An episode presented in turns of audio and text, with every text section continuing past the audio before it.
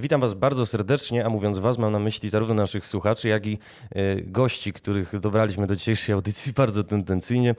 Są z nami Artur Kurasiński oraz Maciej Miąsik. Cześć panowie. Dzień dobry. Cześć, witaj Mateuszu, cześć Maćku.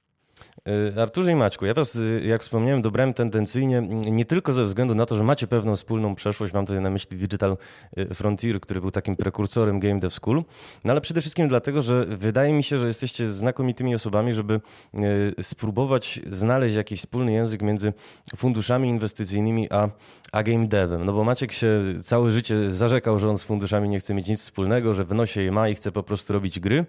Nagle trafił do Movie Games, które przecież z funduszami robi A z kolei Artur y, no, zna tok myślenia funduszy, a jednocześnie się y, game devowi przygląda. Y, w związku z czym zaczniemy od najstarszego dowcipu na świecie. Ma bardzo długą brodę. Panowie, powiedzcie coś po inwestorskiemu.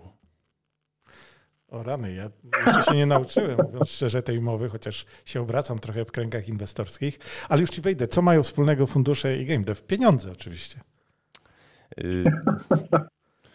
To... Ja bym powiedział, pokaż mi twój pitch deck, albo e, co możesz mi powiedzieć na temat swoich, e, może nie wyników, to brzmi tak bardzo, mm, bardzo, bardzo e, słabo, ale na przykład e, przedstaw mi swoją wizję e, rozwoju firmy najbliższe 3 lata. O, taka chyba dosyć często spotykana e, zagadują, gadka, która się spotyka na zasadzie, chcesz kogoś spławić, to po prostu każesz mu odbędzić taką taką, takiego, takiego toka i on potem, potem, wiesz, próbuje się przed tobą uwiarygodnić, a tego spławiasz, mówię, nie, nie, to, to wiesz, przepraszam, my nie inwestujemy w takie wizje. No I dajesz po prostu, wiesz, spławiasz go.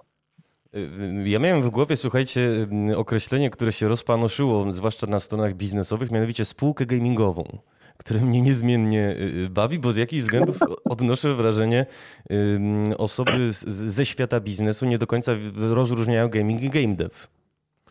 E, tak to prawda, my się oczywiście z tego śmiejemy non stop, ale ja już się przyzwyczaiłem trochę do tego i nawet nie, nie prostuję, bo szkoda wysiłku. E, grunt, że oni rozumieją pod tym pojęciem coś, a ja rozumiem, co oni rozumieją. W związku z czym dogadamy się. Nie ma, y, nie ma tu problemu. Ale a propos tego, tej wizji, to rzeczywiście to jest takie pytanie, które bardzo często y, y, rozwala ludzi z game devu z kolei, bo oni nie myślą w kategoriach rzeczywiście rozwoju biznesu. To jest prawda. Znaczy niektórzy myślą oczywiście, to nie, nieprawda, że wszyscy, ale bardzo często jest tacy młodzi, którzy chcą, chcieliby właśnie trochę tych pieniędzy dostać, i, I to jest pytanie rozkładające. To jest pytanie, które mnie by rozłożyło, mówiąc szczerze, więc, y, więc y, y, wcale się nie dziwię, że jest z tym problem. Wie, wielu twórców gier, którzy mają jakieś blade pojęcie, nawet potrafią robić gry, na pytanie o to, jak będzie wygląda ich biznes, potrafię odpowiedzieć, no jakoś to tam pewnie będzie. No, to na tym się kończy wizja.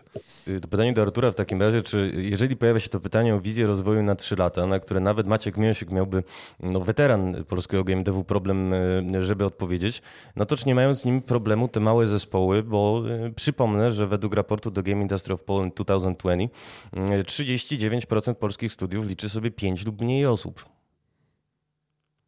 Wiesz co, czy ja się przyglądam game devowi od e, branży game devowej od, od dłuższego czasu. Zresztą z Maćkiem mieliśmy możliwość e, prowadzić e, taki kurs, chyba jakieś 7 czy 8 lat temu, jeden z pierwszych w Polsce, który przygotowywał, ja bym to nazwał do zawodu, ale oczywiście to jest zbyt górnolotne, e, do zawodu w tym sensie, żeby ludzie po prostu widnęli czegokolwiek, jeśli chodzi o to, czym ta branża jest, więc e, mm, od tego czasu jeszcze parę razy uczestniczyłem w różnych projektach game devowych i i tam coś też teraz jestem bardziej po stronie gier planszowych, ale oczywiście zahacza to w dużej mierze też digital, szeroko rozumiane. Także powiem tak, mam trochę nóżkę w tym e, wstawioną, obserwuję, przysłuchuję się różnym, e, różnym e, dyskusjom. Ja uważam, że w Polsce po pierwsze nie ma w ogóle żadnego dobrego inwestora, jeśli chodzi o kwestie game devowe. Mm, to, że ludzie mylą game dev z gamingiem, przestałem nawet już to prostować, dlatego że to jest, wiesz, walka z wiatrakami trochę na poziomie e, takiego przyzwyczajenia, które powiedzmy, że my rozumiemy, że jest błędne, ale ogólnie przez prasę nawet mainstreamowo czy puls biznesu na przykład jest uznawane za, za, za prawidłowe określenie. E, mówiąc to, że nie ma dobrego inwestora, mam na myśli to, że właściwie nie ma firmy, która dokładnie rozumie model działania małych firm, trochę większych i tych dużych. Bo jak popatrzymy sobie na to, co się dzieje w ogóle na, na polskim rynku, dojdziemy do wniosku, że ostatnie kilka lat e, jest, nastąpił wysyp małych studiów, małych właśnie firemek, które w większości wypadków szły, szybko na, na giełdę lub też były na tą giełdę szybko wrzucane za pomocą jakichś tam e, kopnięć inwestorskich.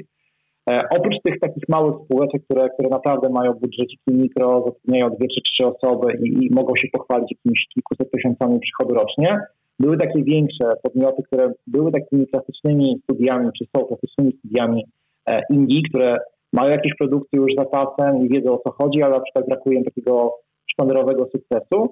No i były też takie giełdy, na przykład na tej giełdzie takie podmioty typu, nie wiem, Eleven Bit Studio, Ten Square Games czy, czy chłopaki z Projekt czyli wielkie podmioty mm, o wycenach e, wielu miliardowych czy wielu dziesiątków miliardów. I to wszystko jest o, o, o, określone jakimś jednym terminem, a gdzieś przy okazji oczywiście krążą ci, którzy by chcieli być, e, skoczyć na ten pokład i gdzieś tam zacząć też z tą branżą mieć coś wspólnego. I wokół tego wszystkiego zaczęli kręcić, kręcić inwestorzy, no bo którzy zobaczyli, że dając, nie wiem, milion złotych można ufundować firmę, która za pół roku wchodzi przez New Connect na, na giełdę, no i wtedy do, do, ta wycena może wzrastać, że będziemy publikowali informacje, że mamy plany, że coś się dzieje, że, że chcemy podbijać świat. Więc ja uważam, że to, co się dzieje na chwilę obecną w Polsce, nie jest dobre i to po pierwsze, po drugie, nie ma dobrych inwestorów branżowych, którzy rozumieją to, co się dzieje w tej branży i potrafią pomóc realnie tym studiom, bo, no bo nie słyszałem o takich podmiotach, które na przykład e, były kiedyś studiami game'owymi, przeszły to całą drogę, dokonały jakiegoś exitu mniejszego lub większego, a teraz są inwestorami, wrzucają pieniądze, a tak naprawdę e, konkretne, dobre, duże pieniądze i potrafią jeszcze pomóc na zasadzie nie tylko wskazać do kogo się zwrócić w Polsce, do jakiego blogera czy medium branżowego o, o wpis promujący, tylko żeby na przykład zrobić jeszcze dobre relacje za granicą. Więc ja trochę mam takie mm, déjà vu sprzed 15 lat, ok, no może sprzed 10, tego co się działo w takim klasycznym, technologicznym środowisku startupowym, gdzie było dużo pieniędzy państwowych i, i po prostu te, ten, ten park wtedy szalał i wtedy właśnie zaczynało tworzyć takie, takie banieczki, które po prostu gdzieś tam finałowo kończyły się bardzo źle. Więc e, ja na razie mam taki, taką duży problem z tym, czy to jest wszystko ok, co my obserwujemy. To y, Wiesz co, chciałem cię, Ciebie zapytać z pozycji naturszczyka, bo ja bynajmniej jeżeli chodzi o fundusze inwestycyjne, ekspertem nie jestem. Y, jesteś z nami? Jestem, jestem. Mieliśmy jakieś, e, jakieś spięcie na łączach. Chciałem ciebie zapytać z pozycji naturszczyka, bo mm, z tego co słyszałem, są fundusze Vide Leonardo, które są w grach wyspecjalizowane i, e, i jednak tym językiem e, operują. Czy na pewno jest tak, że rzeczywiście te dwa światy się po prostu nie zazębiają? Znaczy wiesz, ja nie chcę tu jak gdyby nikogo pałować, teraz mówić, że ktoś pomimo tego, że sobie napisał na stronie albo że dokonał inwestycji, się na tym zna. Ja po prostu mówię to, co, z czym ja mam do czynienia na co dzień i o czym mogę powiedzieć z swojego doświadczenia. Moje doświadczenie jest takie. W Polsce nie ma funduszu, który jest w stanie realnie ocenić produkt. Na zasadzie przychodzę do Was z moją propozycją gry, mam trzy osoby i czy jesteście w stanie powiedzieć, czy ja w ogóle mam szansę z tym zaistnieć? Już nie mówię, czy to jest Steam, czy to jest Switch, czy to jest branża mobilna, bo to są zupełnie różne, e, różne galaktyki. Natomiast fundusz inwestycyjny przede wszystkim chce widzieć wzrost. To jest taki bardzo prosty i nieprawdopodobnie dobrze pasujące określenie. To znaczy fundusz inwestycyjny jest strzykawką ze sterydami, która pakuje w taki podmiot swoje środki. Tym sterydem są pieniądze. Więc jeśli przychodzi fundusz, do, czy gra, czy ludzie, którzy chcą stworzyć grę, czy studio game do funduszu, fundusz szykuje w nie w ten, ten studio pieniądze, a potem fundusz będzie przychodził za kilka miesięcy, pytał się, no dobra, to co, jesteście już warci 5 razy tyle, a po pół roku, no to co, jesteście warci 10 razy tyle, no to znaczy, że mamy jakiś ogromny problem, ale nie dlatego, że e, tak, to jest dziwne, że tak działają studia, że tak działają fundusze, tylko dlatego, że istnieje niezrozumienie między tym, czym są takie środki dla funduszu, a czym są takie środki dla tego małego studia game. Więc fundusze działają bardzo agresywnie i chcą po prostu pomnażać swoje e, wsadzone pieniądze. A, a branża growa ma wrażenie, że zupełnie tego modelu nie pasuje, bo tych, którzy, których się da zrobić, sztucznie napompować i ich na przykład gdzieś tam wsadzić na, na wysokie siodło, na wysokiego konia, no to jest bardzo mało. Większość tych podmiotów po prostu robi dobre produkty, ale oni nigdy nie będą mieli możliwości zrobienia razy 10, razy 15 swojego przychodu w ciągu roku, bo model inwestycyjny, czy model produkcji gier, produktów w branży game'owej po prostu tyle na to, na to nie pozwala. Maciek kiwa głową, bo jest ze mną teraz w studiu. Chciałbyś coś dodać może? Nie no, ja się mogę z tym zgodzić. Dokładnie to jest tak, że fundusze to jest zdecydowanie inna liga w stosunku do tego, jakie są potrzeby dla większości twórców gier, przynajmniej w Polsce. I nie dość, że się nie dogadujemy, ale to nie bardzo mamy o czym porozmawiać póki co e, w większości wypadków. I, I to jest zrozumiałe. W związku z powyższym, e, wiedząc to, większość tych małych firmek, które gdzieś tam planują pozyskanie inwestorów, po prostu działa trochę w innym obszarze i automatycznie musi się dostosować do tego, że jak to funkcjonuje. Musi się dostosować do tej mowy, która, którą używają ci inwestorzy. Musi dostosować się do ich tak. oczekiwań. E, więc gdzieś tam te fundusze przestają być istotne, w związku z czym to też jest przyczyna, dlaczego być może ta sytuacja się nie zmienia, ponieważ no nie ma ciśnienia. My musimy rozmawiać z innymi ludźmi, którzy, e, którzy też się nie znają na grach, ale oni też nawet nie mają aspiracji, żeby się znać na grach i interesuje inwestycja i dobry zarobek i e, gdzieś słyszeli, że gry to oferują. No i tak się, tak się działa. E, chciałem Was zapytać o kazus, który być może się wpisuje w to, o czym mówimy. Mianowicie mm, teraz miała premierę raptem, jeżeli się nie mylę, dwa tygodnie temu, taka gra Bang on Balls Chronicles, e, w którą Smok e, wpompował milion złotych. Karta produktu się na Steamie pojawiła trzy tygodnie przed premierą, w związku z czym nie było nawet szansy, żeby zbudować jakieś fundamenty promocyjne czy marketingowe. No i studio y, Exit y, Plan Games to jest rzeczywiście taka odnoga game devowa, jeżeli chodzi o działalność Smoka, ale też y, ma na koncie inwestycje w energetyki dla graczy i w fotele dla graczy. Czy to jest no, dobry przykład tego, o czym teraz mówimy, tego właśnie niezrozumienia na linii fundusze twórcy gier? Być może. To znaczy, nie znam, nie znam tego case'u dokładnie, więc trudno mi odnieść się do tego, co się tam wydarzyło. Chociaż te rzeczy, które pisałeś, brzmią trochę niepokojąco. Świadczy, świadczy o tym, że ktoś czegoś nie rozumie, przynajmniej po tej, po tej stronie growej. jak się to powinno robić. Może jeśli chodzi o biznes i pieniądze, to jest znakomicie. Yy, no tak, to, to nie jest takie proste. To znaczy, rzeczywiście jest trochę problem na styku tych dwóch światów, światów finansów, nazwijmy to, i światów, świata twórców gier. I, i ciągle, i, ale ja już się nauczyłem, to są różne światy, one się posługują innym językiem, inne, inne, inaczej myślą i inne na inne rzeczy reagują. I yy, kiedyś już dawno tą lekcję wziąłem i ciągle ona się jakby potwierdza, że ja nie próbuję zrozumieć te, tego ich świata, y, bo znaczy i powiązać tych rzeczy. Y, musiałbym przejść na ich, na ich, że tak powiem, na stronę zła, jeśli można tak ująć, i tego się nauczyć, ale nie chcę. Ja pozostaję po, gra, y, po stronie gier, staram się, staram się robić gry, robić je najlepiej i gdzieś od czasu do czasu próbować się dogadać. Natomiast y, znalezienie jakiegoś tego bezpośredniego połączenia języka póki co wydaje mi się niemożliwe. Obserwuję to od wielu lat, więc nie widzę tutaj jakiejś większej zmiany. Chociaż staram się, edukuję, staram się mówić, że to jest game dev, a nie gaming. Przy każdej okazji staram się mówić, że wishlisty nie decydują o wszystkim i tego typu rzeczy, takie lekcje. To, że coś się opóźnia, to niekoniecznie jest źle. E, i nie należy natychmiast rzucać akcji i sprzedawać i, i, tego typu rzeczy. No ale mam wrażenie, że to jest jeszcze długa droga przede mną. Jeśli będę chciał tutaj robić, ta edukacja chwilę potrwa.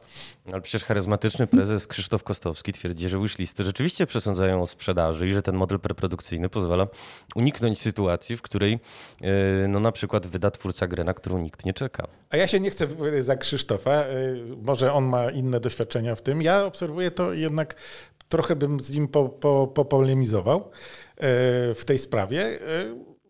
E, I tyle. No, możemy się nie zgadzać, nie musimy się zgadzać ze wszystkim. Agree to disagree, jak mawiają anglosasi. E, Arturze, bo no, nie jest tajemnicą, że się, są różne inicjatywy, podczas których ten pomost między inwestorami a, a game devem staramy się zbudować. Mam tutaj na myśli czy konferencję, zresztą zabawnie nazwaną Gaming na giełdzie, którą jako polski game dev współorganizujemy wraz ze Stockwatch.pl, GPW i Streak Minds, czy specjalne wydarzenia podczas Game Industry y, Conference. No ale y, jak oceniacie panowie, no nie przynosi to rezultatu. Jak w takim razie taki pomost budować? Wiesz co, ja powiem w ten sposób. Jak kiedyś mi odbiło i, po wielu latach robienia startupów technologicznych, czyli jakichś narzędzi sasowych, jakichś nowych odmian, narzędzi analitycznych, bo uważałem, że mam do tego dar i się świetnie w tym odnajdywałem. Tak mi się wydawało. E, I okazało się, że, że gadam głupotę i nie jestem w tym dobry i na pewno nie jestem dobry w budowaniu zespołów, no to odbiło mi w drugą stronę i stwierdziłem, że pójdę za głosem swojego serca i będę robił teraz produkty, rzeczy, które, które mnie gdzieś tam jarają, czyli między innymi gry lub też szeroko rozumianą rozrywkę, komiksy i tak dalej. No i zadzwoniłem do, do dwóch osób, które uważałem za autorytety w branży, to był Adrian Chmielarz i, i Alek Słuchański. Spotkałem się z nimi o, o, oboma, ale oczywiście nie razem, tylko w przesobnych, przesobnych e, stolikach. Mm, I obaj mniej więcej powiedzieli mi to samo, bo ja takiego poziomu takiego kompletnego żółtodziałacza powiedziałem, panowie, chcę robić gry, czy to jest możliwe w moim wieku, jestem już starym boomerem, mam 40 tam parę lat, w ogóle nigdy uczestniczyłem w jakichś pracach, ale jakby, come on, powiedzcie mi, czy jest jakaś w ogóle sens i tak dalej. I obaj powiedzieli mniej więcej podobną rzecz, że tworzenie gier to jest tak naprawdę to jest, to jest e, wymieszanie branży technologicznej z artystyczną. I po pierwsze, ku wielkiemu zdziwieniu, to jest tak naprawdę, użyli bardzo podobnych e, określeń, to jest jakbyś konstruował kapelę rockową. To znaczy, musisz mieć e, frontmana, musisz mieć kogoś na, na, na bębnach, musisz mieć kogoś na, na gitarze przynajmniej jednej, no i e, musisz też mieć jakoś kogoś, kto będzie pisać te teksty i tak dalej. Ale nie oczekuj, że to są ludzie, którzy wejdą do fabryki, o 8 o 16 wyjdą, będziesz miał gotowe 4-5 e, płyt i zrobią to codziennie przez e, 365 dni w roku. Więc ja nauczyłem się jednej rzeczy, że branża game devowa po prostu jest branżą bliżej jej do show biznesu i do branży artystycznej niż na pewno do branży klasycznej, programistycznej. I tutaj bym przestrzegał przed takim bardzo jasnym mm, próbą zaszufladkowania, że ok, no to weźmy 15 mm, deweloperów, to znaczy ludzi, którzy znają się na jakimś tam, nie wiem, silniku i będą go teraz go o, o, dawali do niego jakieś asety, a potem się z tego zrobi super fajna gra, a kompletnie zapomnijmy chociażby o tym, żeby mieć taki, ta gra, żeby jakąś sensowną, e, sensowną e, historię. Więc e, jeżeli mówimy o organizacji różnego typu eventów, ja bardzo, bardzo cierpię z tego powodu, kiedy na przykład zaczyna się to sprzedawać na zasadzie podejmij pracę w branży game devowej, bo zaczniesz zarabiać kupę kasy, tak? Albo twoja kolejna gra to na pewno będzie gra, która zrobi parę milionów złotych, w związku z tym przyjdź do nas, zostań deweloperem, albo teraz proszę bardzo naucz się jak pisać, jak pisać jakieś skrypty, albo bawić się z Libraszu czy tam czymś innym, no i dzięki temu po prostu dostaniesz e, super fajne narzędzie. To jest sprzedawanie jednak, e, to jest sprzedawanie gruszek na, na wierzbie. Mm, bardzo bym chciał, żeby ta branża po prostu sama się edukowała. Ona się, ona ona na pewno musi, szczególnie, że tych studiów jest bardzo dużo, 400 czy nawet 500 według raportu e, e, Krakowskiego Parku Technologicznego, więc uważam, że już te zarzewie jest, że jest ten, ta, ta masa, która może potem z nich coś powstać. Natomiast wystrzegałbym się takich właśnie sterydów biznesowych, wystrzegałbym się tego patrzenia na giełdę i, i mówienia, o, to jest dobra droga, wszyscy musimy pójść na giełdę, bo wtedy mamy hajs, a jak mamy hajs, to będziemy budowali dobre produkty. Obawiam się, że nie tędy jest droga, i niestety też sądzę, że musimy też okrzepnąć, znaczy ta branża musi okrzepnąć i nie można tego w żaden sposób e, przyspieszyć. Więc e, organizacja wydarzeń super, e, wszystko co się dzieje wokół tego tak, natomiast nie budujmy hype albo inaczej, gaśmy natychmiast ten hype związany z branżowymi artykułami, gdzie się przede wszystkim mówi, no branża game devowa to, to, to jest taka, w której po prostu goście zakładają firmę, a po pięciu latach mają 4 miliardy na koncie. Bo to kompletnie jakby nic nie mówi o tym, to jest oczywiście moje zdanie, ale kompletnie nie mówi o tym, co trzeba zrobić, co poświęcić, jak się uchętać, co trzeba po prostu mieć, jaki talent u siebie czy w zespole, żeby zrobić jakąkolwiek dobrą grę, która się obecnie przy tych kilku tysiącach premier na Steamie przynajmniej przebije do jakiejś tam e, powszechnej świadomości. E, bardzo dobrej metafory użyłeś, to znaczy chodzi mi o to porównanie game devu do e, kapeli rockowej, tylko właśnie, czy nie jest trochę tak, że w tym momencie e, przynajmniej części, no nawet już nie studiów, co spółek game devowych, nie bliżej jest do fabryki. To znaczy mam tutaj na myśli no, pewną dużą grupę, która ostatnio budzi ogromne zamieszanie na giełdzie, mam Playwaya, no, który jednak opiera swoją działalność na takich mikrozespołach, które bardzo często się wymieniają asetami albo kupują je z e, asset storów, tworzą e, symulatory, których w cudzysłowie pitch da się tam streścić w tytule i kilku zdaniach opisu. Bardzo często wymieniają się później te spółki tymi grami. Jest nawet taki śmietniczek playwayowy jak Supa Games, do którego wchodzą tytuły, które nie, nie zebrały dość zapisów na wishlistach. I tutaj ten model jest taki, bym powiedział, bardzo fordowski. To są no mikrozespoły, często są osobne właśnie zespoły od tych tak zwanych preprodukcji, osobne później od produkcji, szerzej anonimowe. Przypomnę nieśmiało, że w spółce Simfabrik nie wiemy na przykład, kto pracuje, wiemy tylko, jacy ludzie się zajmują relacjami inwestorskimi i kto w zarządzie siedzi. No, odnoszę wrażenie, że troszeczkę żeśmy się w taką fabrykę zamienili.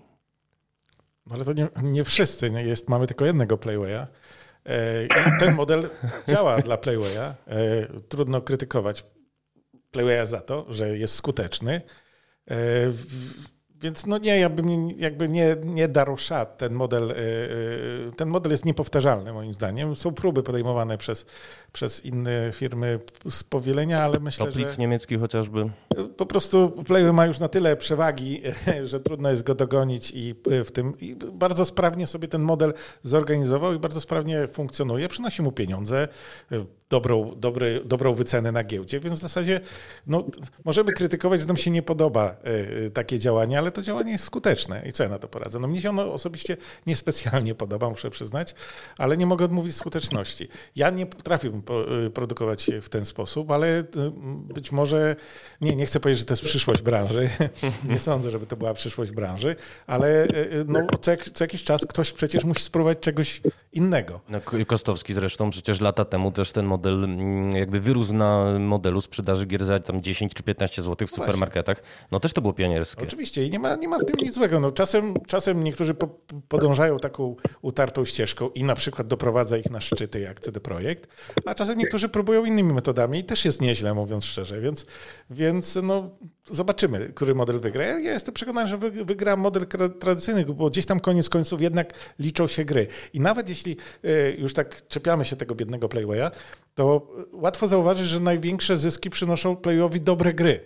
To nie jest tak, że Playway robi śmietnik i ten śmietnik mu przynosi mnóstwo pieniędzy. Nie jemu przynoszą naprawdę pieniądze dobre gry. Tam pośród tych wielu produktów znajdują się dobre gry, które się świetnie sprzedają. House Flipper, Thief Simulator, jasne. No, Car, Car Mechanic, Car Mechanic. To, są, to, są, to są bardzo dobre gry. Naprawdę. Y, może nie są w moim typie, może nie, nie grałbym w nie, ale jak widzę, to widzę, że to jest solidny produkt, który jest dobrze zrobiony i bardzo się podoba graczom. Więc ta firma tak naprawdę zarabia na robieniu dobrych gier i na sprzedaży dobrych gier. Niestety robi też trochę mniej dobrych gier, no ale może, może dzięki temu ja bo też czasem bronię Playwaya, trochę w takiej głupiej roli y, y, wychodzę. Powiedziałeś kiedyś, że wręcz zrobił dla branży więcej niż CD Projekt. Do, dokładnie, ponieważ Playway też y, jednak daje pieniądze na, na, na te gry. Ludzie robią swoje pierwsze gry. Może nie wszystkie się stają hitami, ale niektóre stają się hitami. E, śmialiśmy się kiedyś, że no, tych milionerów sporo Playway wygenerował. I to jest też prawda. I oczywiście jest sporo projektów, które, które upadły, które nie przyniosły spodziewanych y, y, efektów, że twórcy są trochę roz, rozgoryczeni, no bo miało być pięknie, a, a wyszło jak zwykle, ale gdy spojrzą na ten projekt krytycznie swój, to, to tam jest przyczyna. To nie, nie tak, że przyszedł Playway i, i nie pozwoli im rozwinąć skrzydeł. Przeważnie te projekty były, były złe. Oczywiście do, dopuszczam też sytuację, że były niesnaski, ktoś tam komuś się z kimś nie dogadał. No to jest normalne przy takiej ilości e, e, produktów. Ale naprawdę pieniądze przynoszą dobre gry. I to jest ten model, który wygrywa. To znaczy nie da się zarabiać pieniędzy na złych grach. Trzeba robić dobre gry, przynajmniej od czasu do czasu. E, okazuje się też, że studia game devowe chyba niespecjalnie mogą zarabiać na dywersyfikacji działalności. Mam tutaj na myśli dwa takie case'y ostatnie. Pierwszy to był e, Huckleberry Games, e, szerzej znane z Edengrada, MMO, które no 418 recenzji użytkowników, sprawdziłem sobie przed nagraniem, wygenerowało raptem 49 pozytywnych. No i swego czasu poszedł news, że wchodzą w fotowoltaikę. Nie wiem, czy pamiętacie taki, taki kazus, że oczywiście jakiś portal związany z fotowoltaiką, no i mieli faktycznie tam jakieś wahnięcie kursu, ale bardzo szybko się inwestorzy, odnoszę wrażenie, pokapowali, że to pic na wodę fotomontaż. No teraz też wspomniany już wcześniej Simfabrik ogłasza z wielką pompą, że będzie świadczył usługi e-learningowe i jakieś tam prace badawczo-rozwojowe, no ale też nie widać, żeby to mu specjalnie pomagało na kursie.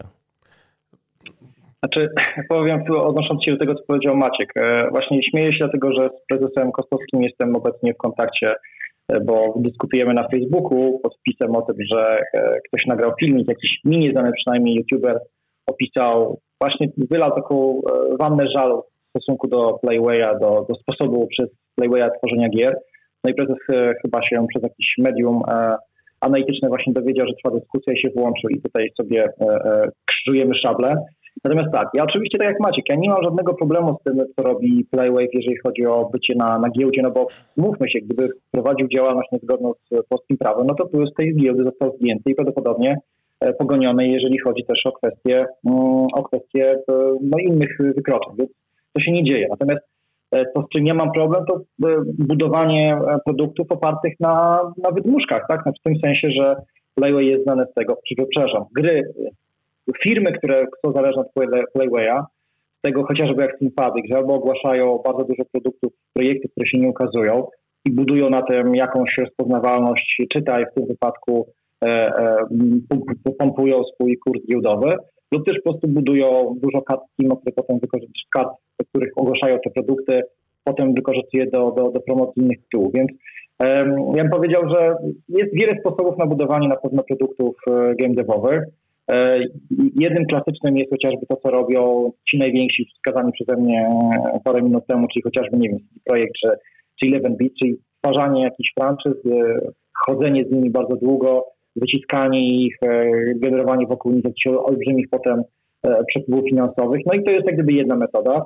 Player pokazał, że tak jak ty, ty Mateuszu, użyłeś takiego określenia, że on jest takim fabryką, fabryką Forda. Tak, zgadzam się. To jest taki też pomysł na na budowanie wartości, że masz dużo, dużo takich małych organizacji, podmiotów, które tworzą ci jakieś produkty, ty je walidujesz. Tak używam teraz języka startupowego, czyli budujesz taki MVP, taki minimal value product i po prostu patrzysz, czy on jest fajny, czy nie. I słuchajcie, w świecie startupowym to się sprawdza, dlatego że nawet ba, inwestorzy tego zachęcają, żeby nie budować, nie wydawać milionów, tylko na przykład wydać 10 tysięcy, zrobić pitch deck, e, zrobić prezentację, połazić po rynku, pokazać klientom i, po, i uzyskać jakiś efekt. No tylko, że to wszystko, tego wszystkiego zabrania regulamin Schema. To jest chyba największy problem, jeżeli chodzi o Playwaya, że tam jest po prostu obiecywanie gruszek na wierzbie i pokazywanie green screenów, e, żeby to były green e, bardziej concept artów, a to na tym nie ma faktycznych produktów. Natomiast zostawmy tego biednego, biednego Playwaya.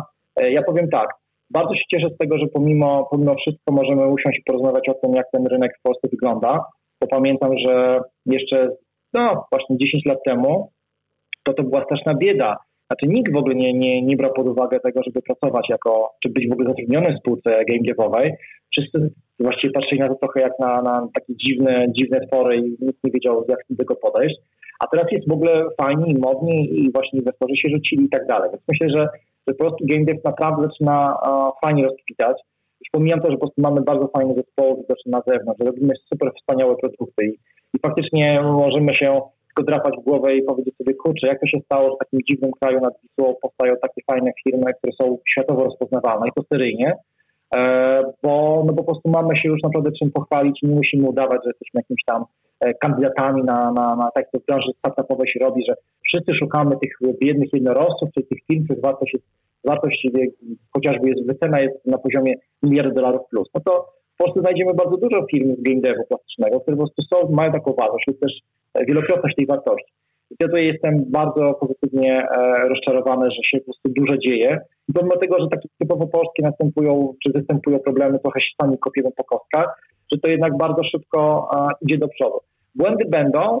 Pocieszam się, że po prostu to jest taki nadal okres bardzo e, tej choroby dziecięcej. Jak to wszystko się ładnie wyjaśni, jak wszystkie nazwijmy to, e, e, produkty zaczną, zaczną krzepnąć procedury, a to będziemy mieli bardzo fajny, ukształtowany rynek, który naprawdę będzie generował nie dość, że dobrej klasy produkty pod kątem gier, a może nie tylko, a również też usług, ale przede wszystkim też będzie fajną branżą, do której ludzie będą chcieli przychodzić, bo jak powiedziałem, to jest branża kreatywna. Tutaj nikt nie oczekuje, że ktoś będzie siedział i po prostu bezmyślnie naciskał klawisze, tylko tu potrzebujemy na każdym poziomie, potrzebujemy troszkę takiego artysty, ale w takim rozumieniu, że to nie musi być e, egocentryczny, e, egocentryczna prima donna, tylko ktoś, kto będzie naprawdę miał taki polot, taki błysk. Więc tego sobie i wszystkim, wszystkim branży życzę. E, Maciek, z uznaniem kiwałeś głową, kiedy Artur mówił. Czy mógłbyś powiedzieć dlaczego? E, no bo dobrze mówił to po pierwsze, a po drugie, e, e, po drugie rzeczywiście możemy oczywiście trochę pośmiać z tych inwestorów, z tego języka inwestorskiego i tak dalej, ale kurczę, jest naprawdę fajna, fajna w tej chwili sytuacja. Ja pamiętam jeszcze czasy 10 lat temu, 15, 20, bo jestem tak stary, ale nie jesteśmy boomerami. Sprawdziłem to w Wikipedii, a nawet ja się, nawet ja się nie łapię. Na to. E, I e, kiedyś to była tragedia. Byliśmy uzależnieni od pieniędzy praktycznie zachodnich wydawców na bardzo w porównaniu z tym, co jest obecnie niekorzystnych warunkach i nie było innej opcji. A teraz można powiedzieć, że inwestorzy rzucają w nas pieniędzmi wręcz. Więc to jest dość komfortowa sytuacja. Oczywiście trochę, być może możemy powiedzieć, że nierozsądnie rzucają czasem te pieniądze, ale jednak, jednak te pieniądze są. Te pieniądze są tutaj w kraju. Nie musimy, nie musimy próbować się dogadywać z podmiotami zagranicznymi, co trwało no, lata niemalże. Zdarzało się negocjacje kontraktu po pół roku i dłużej i trzeba było wtedy żyć i jakoś przeżyć. A teraz, teraz możemy się dogadać, jesteśmy na miejscu, możemy porozmawiać o inwestycji długofalowej, niekoniecznie w konkretny projekt, ale w firmę i w biznes, który może się rozwinąć. No to, to jest o wiele lepsza sytuacja niż kiedyś. Ja naprawdę jestem bardzo zadowolony z tego, co się dzieje i twórcy obecnie mają naprawdę, no nie powiem, że komfortowe warunki, bo wciąż trzeba się wysilić jednak, e, trzeba pozabiegać o tych inwestorów, trzeba umieć się sprzedać, trzeba mieć dobry pomysł, ale jednak jest z kim po, porozmawiać. E, I, I, powstają gry. No właśnie, mamy 400 studiów czy 500, powstaje w Polsce bardzo dużo e, gier. E, no to to jest, to jest pozytywna zmiana. I gdzieś tam jeszcze stajemy, stajemy się potęgą game devową i oby tak było. Mnie tylko zastanawia jedno, to znaczy mm, faktem jest, że te pieniądze są, jak mówisz, y, rzucane wręcz przez y, inwestorów. Zresztą może dopowiedzmy, że y, przynajmniej częściowo mm, pieniądze publiczne, no bo są te słynne fundusze alfowe w, w ramach Alpha Bridge stworzone NCBR-owskiego. No i NCBR dokłada po prostu setki tysięcy złotych. E, aczkolwiek Zastanawiam mnie, y, czy w dłuższej perspektywie po prostu y, inwestorzy nie stracą w game dev zaufania w związku z tym, że y, no okej, okay, teraz nie ma tak naprawdę tego game devu tak dużo na giełdzie w skali w ogóle studiów w Polsce, no bo tych studiów ja się powołam nie na kapetowski raport, tylko na raport Game Industry Conference i PARP-u. Jest około 440-450, no i na giełdzie jest 50 parę, ale mam na przykład przed sobą w tym momencie egzemplarz stock marketu, mm, w której się pojawiła lista lista potencjalnych debiutów y, na giełdzie tegorocznych. No i spróbujcie zgadnąć, panowie, ile na 44 takie potencjalne debiuty to są spółki game devowe? 40. No, zbytni optymista. Artur? 40. 24. No ale to jest bardzo dużo, tak mi się wydaje. A już mamy, słuchajcie, pierwsze zwiastuny tego, że y, no właściwie nie każdy debiut na giełdzie się musi kończyć bardzo dobrze, no czego przykładem jest Huge Games przecież. No ale no to słuchaj, jest taka sytuacja, to się jest taka koniunktura, powiedzmy, na, na to, to się to wykorzystuje. No byłoby głupotą, gdyby z tego nie korzystać. Znaczy, inwestorzy dają pieniądze, ale inwestorzy czegoś oczekują. Na przykład oczekują możliwości wyjścia z inwestycji. Mhm. I wyjście poprzez giełdę jest jednym z lepszych rozwiązań, bardzo oczekiwanym. Więc nic dziwnego, jeżeli ktoś mówi, dobra, proszę dajcie pieniądze, inwestujcie w ten gaming, ale i ja wejdę na giełdę i sobie potem posprzedajecie i będziecie, wszyscy będziemy zadowoleni. No to taki taki jest tor. Nie ma u nas specjalnie akwizycji. To nie jest tak, że nasze studia są kupowane, poza oczywiście tam małymi wyjątkami, typu Flying Wild Clock, mhm. ale generalnie y, to jest jeszcze rzadkość.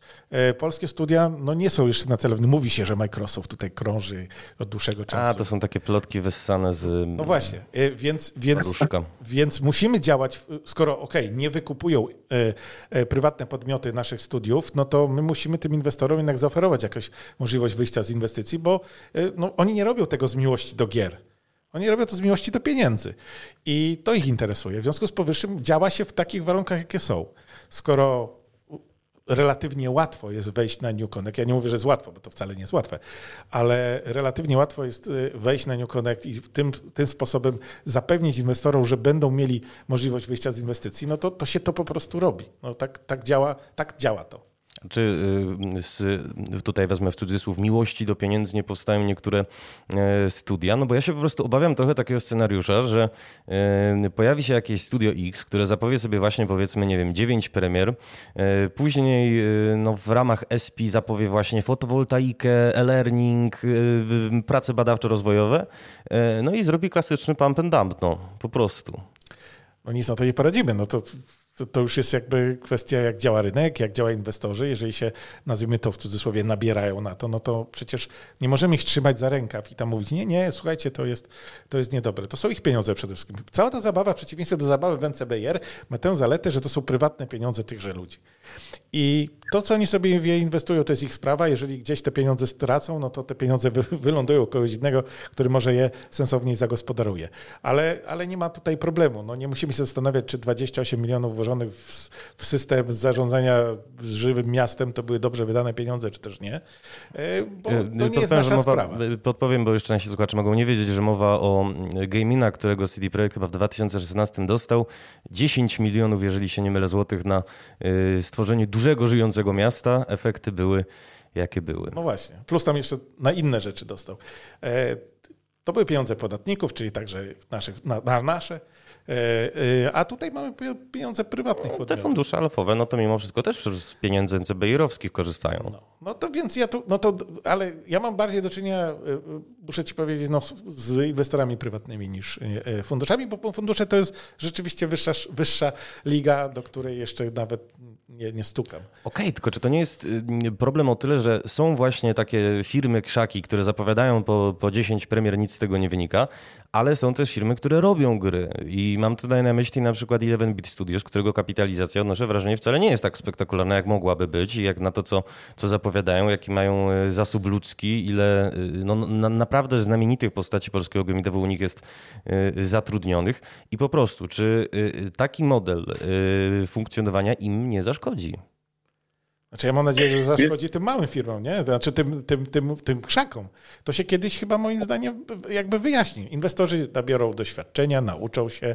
No, no ja nie wiem, no ja nie, nie bardzo widzę sposobu, żeby powiedzieć, ej, ej, patrzcie na bity, nie na tu firmę X. Mam to samo, mam to samo teraz ja kiwam głową. Wy tego nie widzicie, bo nie widzimy razem z tego studia.